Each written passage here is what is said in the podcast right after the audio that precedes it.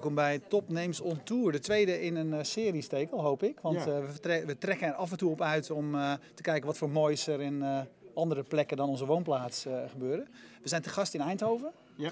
Uh, we zijn te gast bij Startup Bootcamp High Tech XL. Uh, Guus Freriks, jij bent hier uh, de verantwoordelijk man. Je hebt in ieder geval opgezet. Jij bent hier de, de drijfveer achter.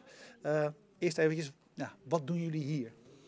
Nou, wat we hier doen is we versnellen uh, startende ondernemers uit de hele wereld hier in Eindhoven om van een product, een initieel prototype, heel snel naar de markt te gaan.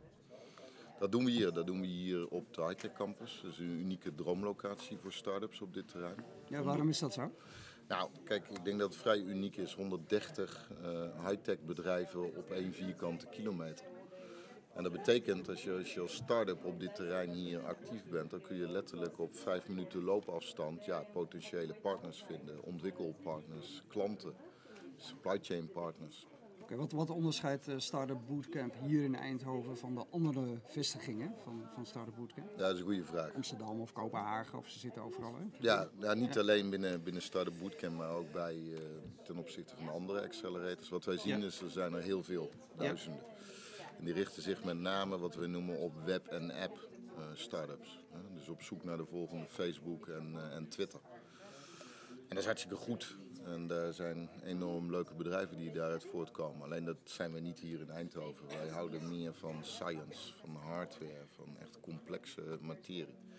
Oké, okay, dus, dus de, de start-ups zijn hier meer bezig met, met hardware toepassingen dan met software toepassingen. Dat ja. is wat je zegt. Ja, ja wij, vinden, ja wij vinden precisie engineering, tastbare dingen, complex. Dat vinden we heel erg leuk en spannend. Daar zijn we ook heel erg goed in. Ik bedoel, vorig jaar Philips 100 jaar innovatie uh, gevierd.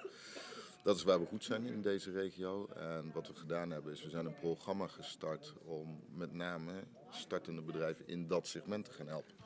Want die hebben fundamenteel andere problemen dan ja, de web- en app-startups. Kun je, je, ja, een voorbeeld, voorbeeld noemen ja. van wat dan anders is? Van, van nou, een, uh... vaak zitten er langere trajecten aan. Hè. Die, die doorbraaktechnologieën waar we naar op zoek zijn, die, die komen meestal uit research-omgevingen.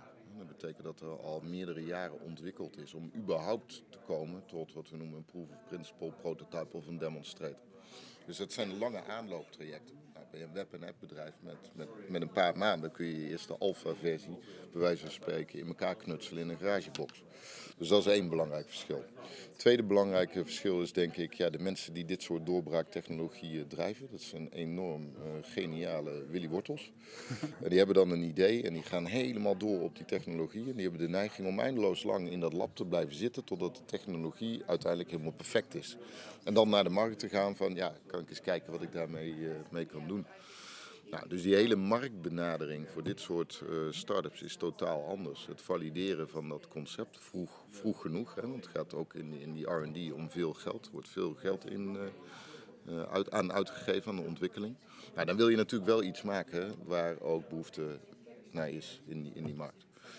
Dus het naar die markt gaan, en dat is nou precies waar die engineers, die geniale Willy Wortels, gewoon, ja, die zijn daar niet zo goed in. Die hebben daar hulp bij nodig. Nou, dus wat wij doen hier is met name, we pakken ze op in een vroegtijdig stadium, gaan heel snel naar de markt toe. Waarbij de vraag is niet, kan dit product technisch gebouwd worden?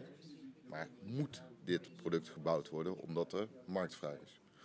En een ander belangrijk verschil is natuurlijk de funding. Dus met een, met een paar honderdduizend euro in een web- en app-startup kun je al snel weer zes tot acht kwartalen vooruit van de alpha naar een beta-versie. Nou, de start-ups die hier door willen trekken van een prototype of een demonstrator naar een, een, een klein serieproduct, ja, dan heb je het al snel over miljoenen wat erin moet om, om die slag te kunnen maken. Kun je eens een, een, voorbeeld geven van of iets wat je in het verleden gedaan hebben, uh, of, of iets waar je nu enthousiast over bent wat hier aan de gang is, om even iets tastbaarder te maken voor, uh, voor mensen? Ja, nou, een van de bedrijven die we die hebben we uit Griekenland opgepikt. Dat was een bedrijfje die had een, een smart material, een poeder ontwikkeld om water te zuiveren. In drinkwater zit arsen, arsen 3 en 5, dat is giftig. En toen ik voor de eerste keer dat verhaal hoorde in Athene, dan stond daar zo'n professor een verhaal te houden waar ik geen touw aan vast kon knopen. Met allemaal grafieken en meetwaardes.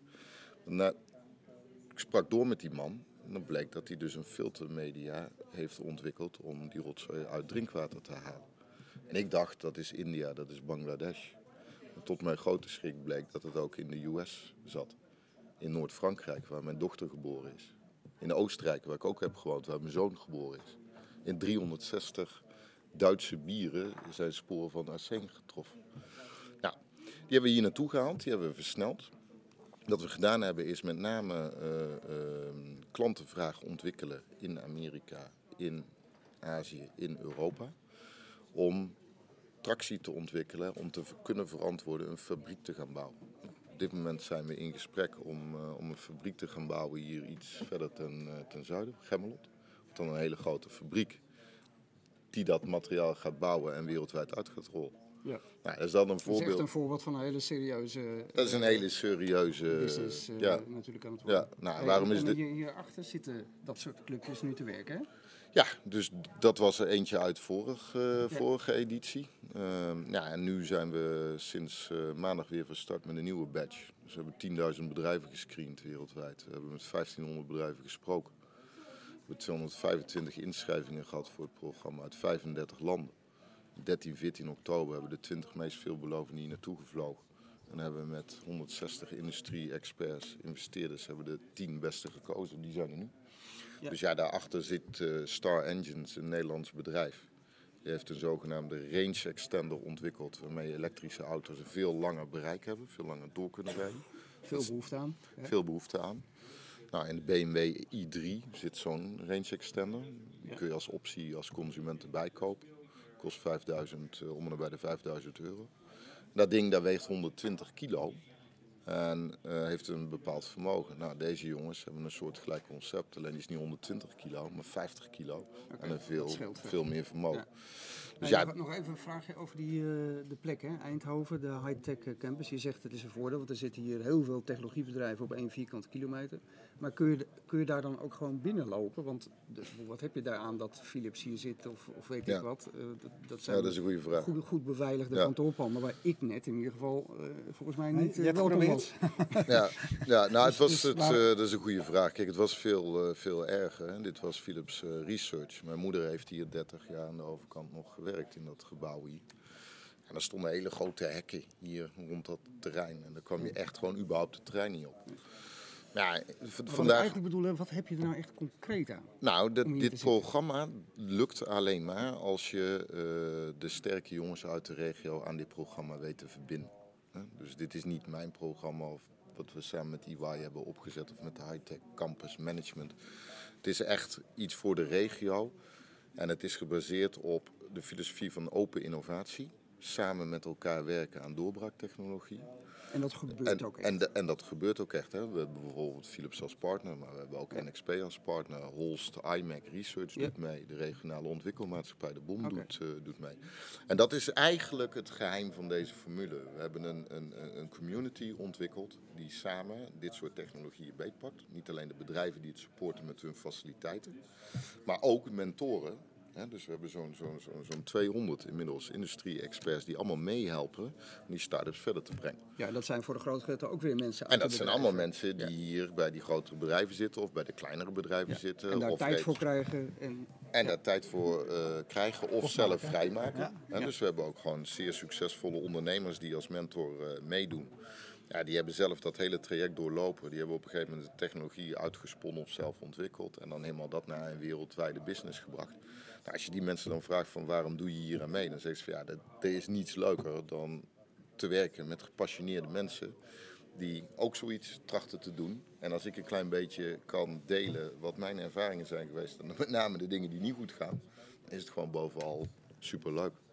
En dat hey, is... Jij moet volgens mij zo weg, maar ik wil nog één ding van je weten. Ja. Ik in ieder geval. Ja, uh, wat, we zouden lang met je kunnen praten, maar één ding nog. Ja. ja, wat is de meest interessante start-up die jullie nu uh, in je programma hebben zitten? Ja, dat vind ik een hele moeilijke. We zijn uh, vandaag begonnen. Um... Maar er is één ding, toen jij dat hoorde, dacht je, wow, of het wat wordt. Dat gaat, dat, daar gaat het me niet om, maar... Ja, kijk, kijk, er is eentje waarvan ik direct toen ik de eerste keer met die jongens sprak, had ik zoiets van, ja, dat kan een hele leuke worden. Dat is uh, Manus, die zitten daar. Die, uh, nou ja, je kent de Oculus wel. Hè? Ja, de, de die virtual, vanmiddag. Ja, die komen straks even ja. langs. De virtual uh, reality bril. Um, nou, Oculus zelf is natuurlijk een fantastisch verhaal. Hè? Die zijn in 2012, meen ik, begonnen met hun crowdfunding campaign. Ja. En ja, niet zo lang geleden voor meer dan 2 miljard geloof ik overgenomen door Facebook. Om maar even aan te geven hoe snel het kan gaan. Hè. Die jongens hebben gedaan wat Samsung en Sony niet kan. Maar deze jongens, wat die gedaan hebben, is die hebben een, ehm, een handschoenconcept, een cyberglove zoals ze het noemen, ontwikkeld. Waarmee ze nu al in staat zijn om in die virtual reality te navigeren in een game. Nou, waarom is die nou zo leuk? Omdat ja, onze handen zijn intuïtief. Die zijn veel intuïtiever dan een keyboard. Of Ja, een, of een joystick of een, eh, joystick. Ja. controllers, ja. Dus het is een nou vervanging van- van ja. de controller Het eigenlijk. is een, een potentiële vervanging van de controller. Dus Ja. in plaats van dat ik met mijn joystick een deur moet openen in een game, doe ik nu gewoon virtueel de deur met mijn handen open. Ja, leuk. Dus die, die, die zitten in die gaming-industrie, die hebben dat nu al aan het werk. En ja, er zit gewoon een hartstikke leuk, enthousiast team eh, achter, ook uit deze regio. Ehm, maar wat wij ook, wij, kijken niet alleen naar van doorbraaktechnologie, een groeiende eindmarkt en het standaard riedeltje. Als je daarnaast die technologie in kunt zetten om ook iets nuttigs te doen, meer dan gewoon business, dan vinden we het echt leuk. En als we dus in staat zijn om die handen met die handschoentjes zo te besturen, dan kunnen wij ook de gebarentaal, doofstomme mensen, omzetten in gesproken taal. Ja. Nou, er zijn 360 miljoen mensen wereldwijd die daar problemen mee hebben. Moet je toch eens voorstellen als we die technologie kunnen inzetten om die mensen gewoon te laten praten met Ja. mensen die de gebarentaal niet eigen zijn. ja. Waanzinnig. Daar worden we heel erg En kwamen ze niet met dat laatste idee binnen of kwamen ze met het eerste idee binnen? Hadden ze eerst Nee, ze, hadden al natuurlijk eh, eh, zelf ook in de gaten van ja, hier kun je meerdere dingen mee doen. Nou, het is evident dat die gamingmarkt dat dat waarschijnlijk de grootste markt is, maar je kunt er veel meer mee doen. Hè. Je kunt dadelijk ook gewoon robots gaan besturen met die, eh, met die hand. Nou, dat, dat is dus een voorbeeld van, ja, ik mag er maar één noemen, maar voor mij zijn het vooruit. elf, eh, elf, eh, elf sterren. Ja, Want ja, dit is dan gewoon ja, super commercieel en dat kan heel snel heel groot worden. Maar dit- we hebben er ook één bij zitten, dat is Bibak. Dat is een meer een sociale venture. Ja, die vind ik ook heel erg leuk. Dat is misschien wat minder sexy commercieel verhaal. Maar wat, deze, wat dit team heeft gedaan, ehm, ja, wereldwijd liggen overal nog landmijnen. Dat is echt een heel groot probleem. Ja. En ehm, wat ik niet wist is dat in Nederland heel veel bedrijven zitten die meehelpen die dat op te ruimen. Het probleem is echter dat die lokale bevolking, die, vertrouw, die vertrouwt dat niet. Dus zelfs als zo'n stuk land is opgeruimd en eigenlijk weer klaar is voor landbouwgebruik, dan, dan durft die lokale bevolking nog steeds niet erop. Nou, wat zij hebben gedaan is, ze hebben een, een, een detector ontwikkeld die je op een eenvoudige manier in elkaar kunt eh, zetten, waarmee de lokale bevolking zelf kan checken als ze langs zijn geweest, of getraind kunnen worden om het zelf helemaal op te ruimen.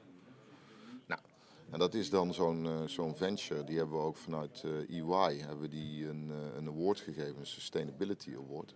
Ja, dat is dan weer een heel mooi voorbeeld van ja, technologie die er is, op een andere manier verpakken en heel wereldwijd een groot probleem op te lossen. Ja. Maar ja, ik moet inderdaad Ik rennen, want ik zou, eh, ja. ik zou zo door kunnen we hebben, ja, daarom, dat doen we ook graag een andere keer. We hebben met je afgesproken dat je mag weglopen eh, als je weg moet. Dus doe dat vooral. Ehm, als je nu live kijkt, blijf kijken. Want we hebben de hele dag mooie interviews met mooie ondernemers en ondernemingen uit, eh, uit Eindhoven en omstreken.